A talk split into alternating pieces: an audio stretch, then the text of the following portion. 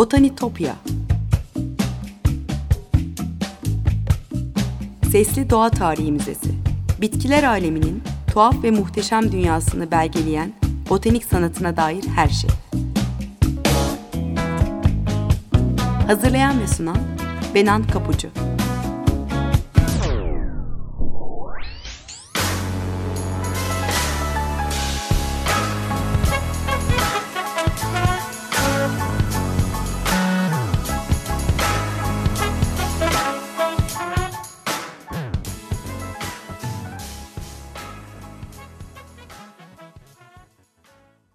Merhaba sevgili Açık Radyo dinleyicileri. Botanitopya'ya, bitkiler aleminin tuhaf ve muhteşem dünyasına hoş geldiniz. Anlatıcınız ben Benan Kapucu. botanitopya.gmail.com elektronik posta adresim.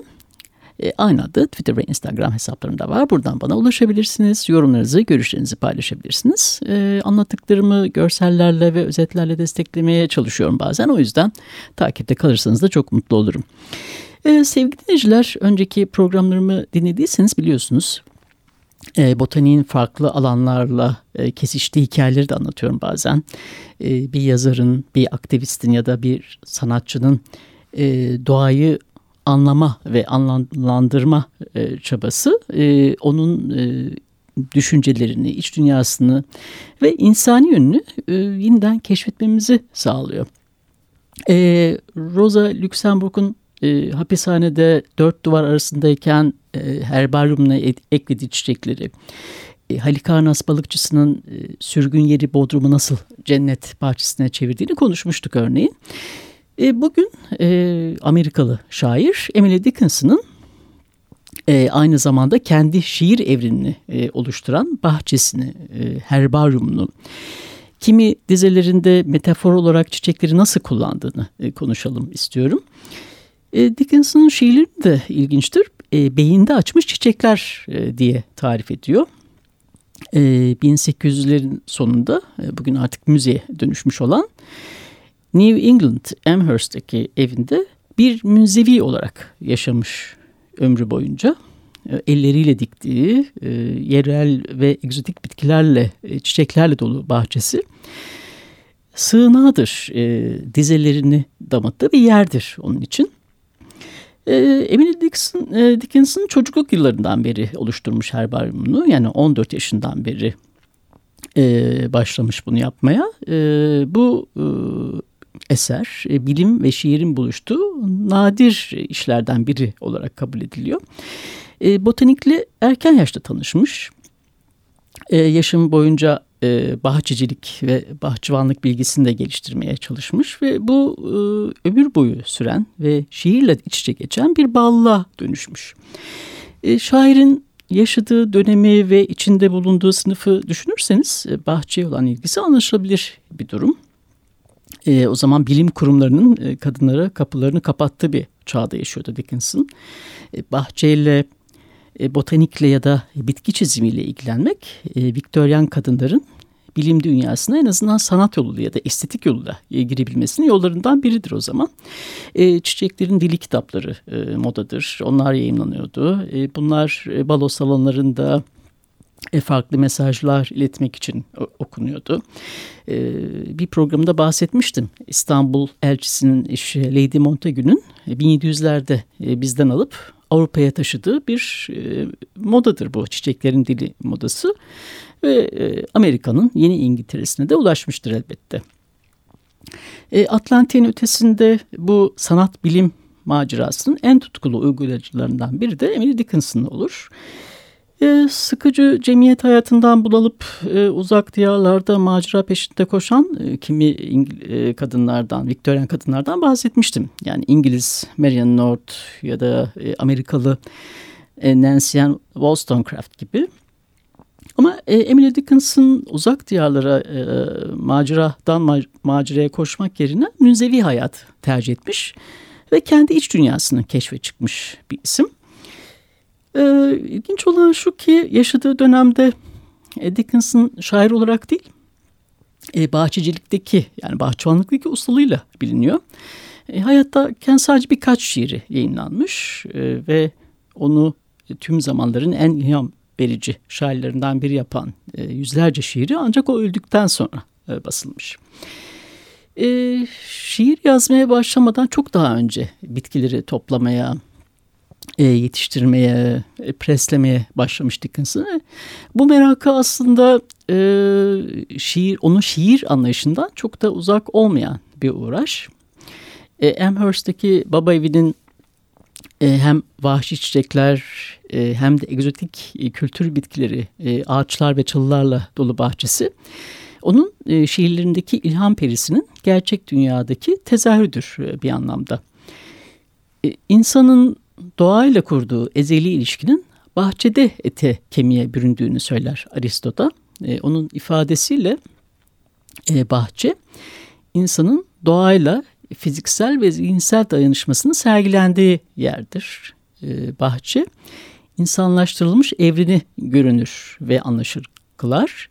E, bu görünen, hissedilen ve üzerinde düşünülen bir birlikteliktir. E, Damon Young e, Bahçede felsefe kitabında e, Emily Dickinson'ı ölümsüzlüğü arayan e, bir biri olarak tarif ediyor. Ve her Nisan'da yeniden açan çiçek soğanlarında e, bu umudunu tazeleyen biri olarak e, tanımlıyor. E, Türkçe baskısı e, Esra Birkan'ın çevirisiyle can yayınlarından çıkmış bir kitap bu. E, burada aslında Emily Dickinson'ın e, bahçesiyle şiir evreni arasındaki ilişkiyi de e, okuyabiliyoruz. E, doğa ile insan bilmecesi bahçede bir yere gelir. E, bu sebeple bahçenin felsefede bir karşılığı vardır diyor Damon Young. E, bahçe evrene ve varoluşa dair fikirleri esin kaynağı olur. Tarihi değerler, e, politik fikirler, e, politik fikirler ve günlük hayat akışıyla şekillenir. E, bahçe doğanın insanlaştırılmış halidir. Fakat ona baktığımızda kendimizden başka bir şey de görürüz. E, onda insan olmayan bir şeyin, bilince sığmayan, düşünmeyen bir evrenin gizli imasını da görürüz. Bu bizim dışımızdadır ve Aristoteles'in de şaşkınlıkla ifade ettiği gibi bitkilerin gizli yaşamında saklıdır. Ee, bahçe kavramı özelinde insan ve doğa arasındaki ebedi ve ezeli ilişkinin nasıl olduğunu merak ediyorsanız bu kitabı okumanızı tavsiye ederim. Çok hoş bilgiler var. Ee, örneğin Jane Austen'ın bahçesi olmadığı zamanlarda neden yazamaz hale geldiğini, o derin doğa sevgisini, onun leylaklarını ve fil bahrilerini, e, Jean-Paul Sartre'ın e, kendi halinde bir parktan neden ölesiye nefret ettiğini, e, o parkın tetiklediği bulantı duygusuyla nasıl mücadele ettiğini, e, Marcel Proust'un e, bonsaileri neden e, küçük, sefil, iğrenç ağaçlar dediğini e, bütün e, böyle bir e, bu tarz bilgileri e, gayet keyifli bir dinle anlatıyor. Yani onu tavsiye ederim size. Evet tekrar Emilia Dickinson'a dönelim şimdi. E, Brain Pickings Org'da e, Maria Popova e, Emily'nin botanikle ilgilenmeye başladığında sadece 9 yaşında olduğunu e, ona ve kardeşi Lavinia'ya bahçecilik sevgisini aşılan kişinin de yine onunla aynı adı e, taşıyan anne Emily Dickinson olduğunu yazıyor.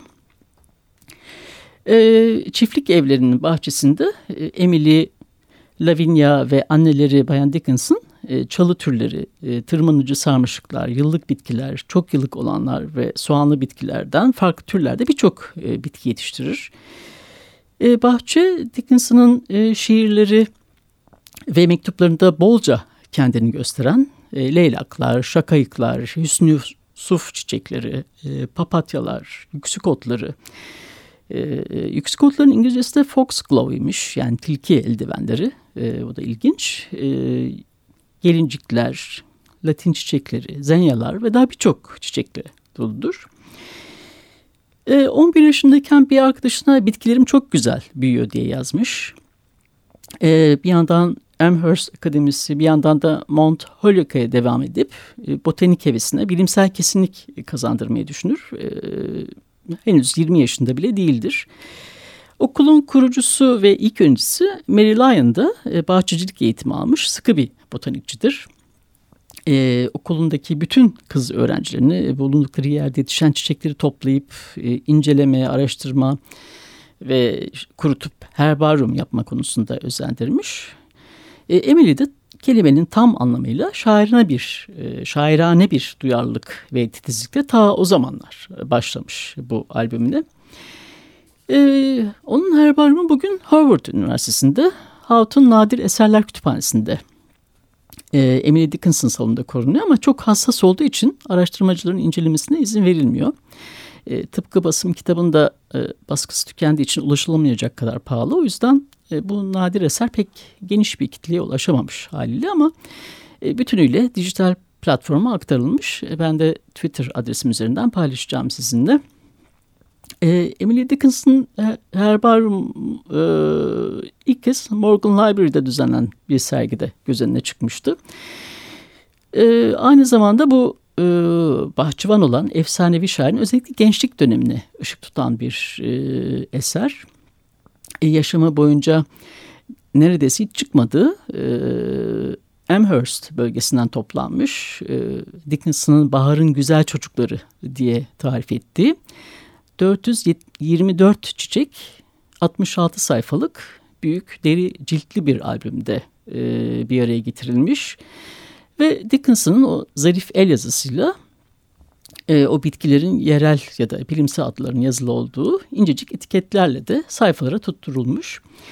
E, bitki örneklerini etiketlerken e, Carolus Linnaeus'un sistemine göre e, adlandırmış. E, bilimsel adlarıyla birlikte etiketlemiş ama e, düzenlerken bilimsel olmaktan öte estetik bir kaygıyla e, düzenlemiş. E, bu estetik kaygının daha çok öne çıktığını görebiliyoruz. E, ölçek ve oranlara dikkat etmiş. E, öyle ki uzaktan e, sayfaya baktığınızda bir resim gibi görünüyor. Evet bir müzik arası verelim sevgili dinleyiciler. Birkaç dakika sonra tekrar konumuza devam ederiz. Franz Schubert'in koral eseri Gloria'yı dinliyoruz.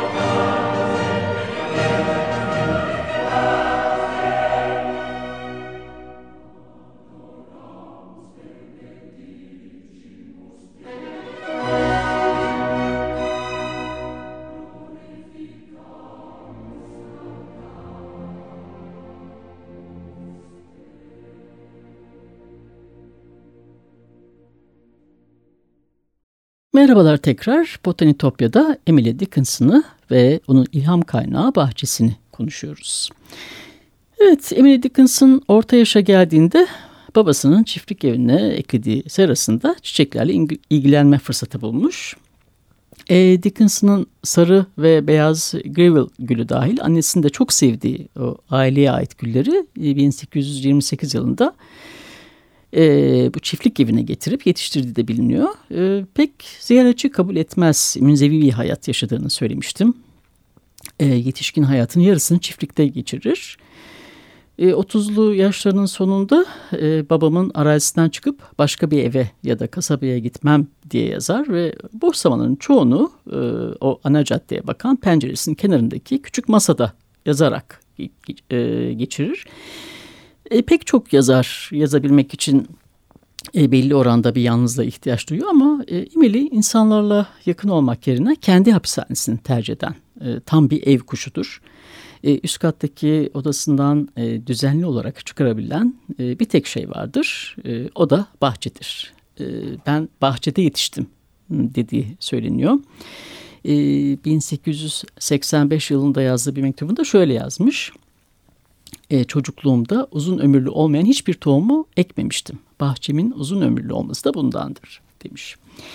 E, New England'ın yerel gazetesi Express'te yayınlanan bir yazıda e, Emily Dickinson'ın e, hassas bitki yetiştirme konusundaki özel becerisinden söz ediliyor. Ve bu bölgenin ikliminde yetiştirmeyi başardığı o yöre için nadir sayılan lezzetli olgun incirler yetiştiğinden de e, bahsediliyor.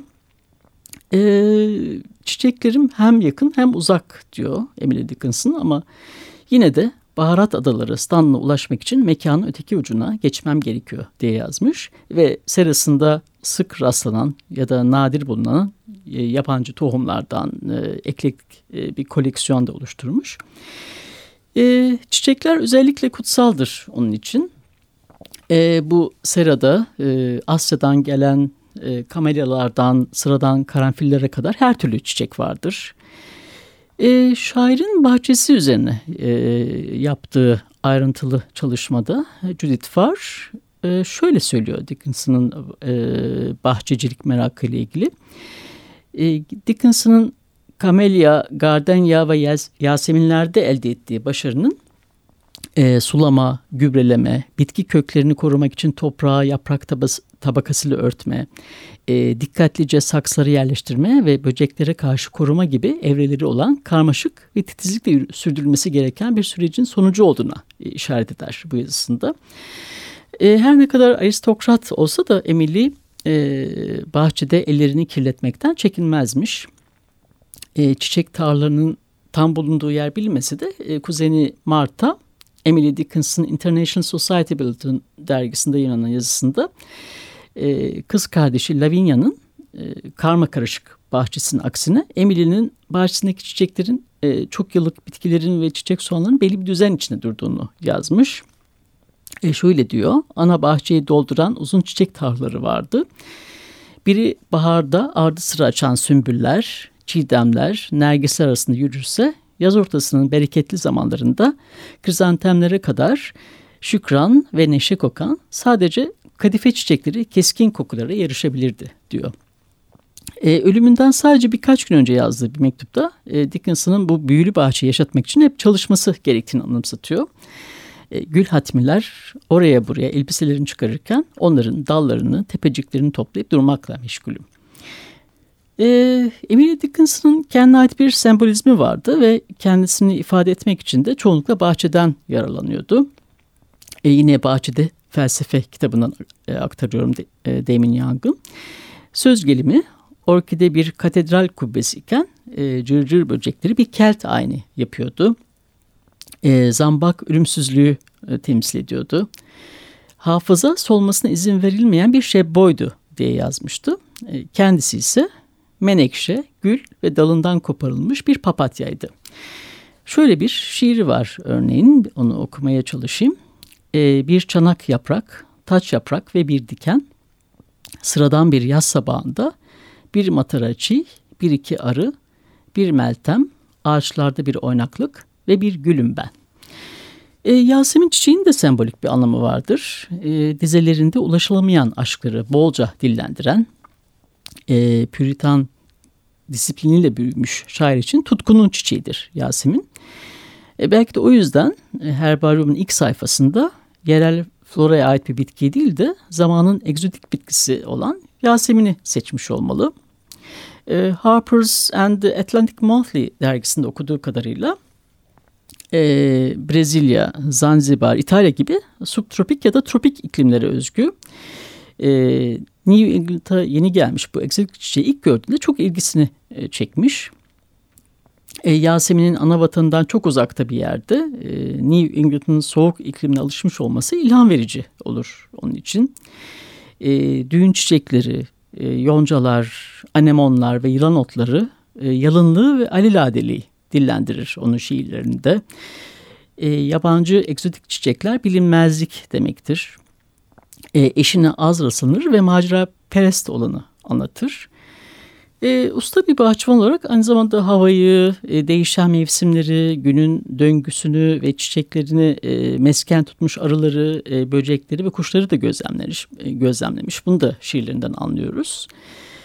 E, İş Bankası kültür yayınlarından e, çıkmış. E, Selahattin Öz Palabıyıkları çevirisiyle çıkmış. E, Seçme Şiirler kitabından aktarayım size. Örneğin şöyle bir e, şiiri var e, sabahlar eskisinden daha da uysal, cevizler daha da kahverengi gittikçe, kızılcığın yanağı daha da tombul, şehirler dışında güller açmış bile. Ya da bir başka şiirinde şöyle demiş, Hokkabaz'ın şapkasıdır ülkesi, katır tırnağıdır arınınkisi. Bir başka örnekte e, neşeli küçük yürek, kahkaha çiçeği gibi rüzgar ve güneş donatır giysin. Şiirlerini e, beyinde açan çiçekler olarak tanımladığını söylemiştim Emily Dickinson'ın. E, çiçek soğanıyla ise şiirin özünü ifade etmek istiyordu. E, şiirselleştirdiği bir başka şey de çiftliğin kendisiydi. E, onun güzelliği, ahengi ve sahne olduğu oyunlar hepsi de e, babasının arazisinin içine sığan sıkıca örülmüş bir evrendir onun için. E, giderek daha münzevi bir hayat yaşamaya başladığında eve hiç misafir kabul etmemiş ama e, arkadaşlarına ve yakınlarına doğum günlerinde yaşlılara ve hastalara, e, çocuklara e, ve yeni annelere binlerce çiçek buketi göndermiş. E, bugün inanması zor ama e, Emily Dixon'ın çiçekleri yaşadığı dönemde dizelerinden daha ünlüdür. E, 1886 yılında öldüğünde e, şiirleriyle değil daha çok çiçekleriyle anılıyormuş e, gözü gibi baktığı bahçe şairin ölümünden sonraki kuşaklar tarafından e, gitgide küçültülmüş ve sonunda da tamamen yok olmuş. E, ancak 2003 yılında müze olarak e, ziyaretçilere açılmış o çiftlik evi ve e, o yılda şairin anısına ailesi tarafından saklanan ha, hatıra tohumları ekilmiş. E, küçük bir elma ve armut bahçesi oluşturulmuş. Ee, ve Emily Dickinson'ın şiir ve mektupları kadar o satırları bezeyen bitkiler ve bitkiler olan sevgisi de e, kuşakları etkilemeye devam ediyor bugün. Evet sevgili dinleyiciler, Botanitopya'daki keşif yolcumuz da bu haftalık buraya kadar olsun.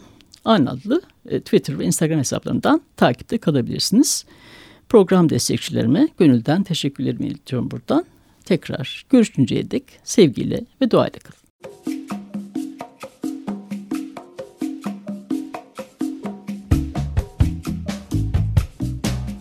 Botanitopya Sesli Doğa Tarihi Müzesi. Bitkiler aleminin tuhaf ve muhteşem dünyasını belgeleyen botanik sanatına dair her şey. Hazırlayan ve sunan Benan Kapucu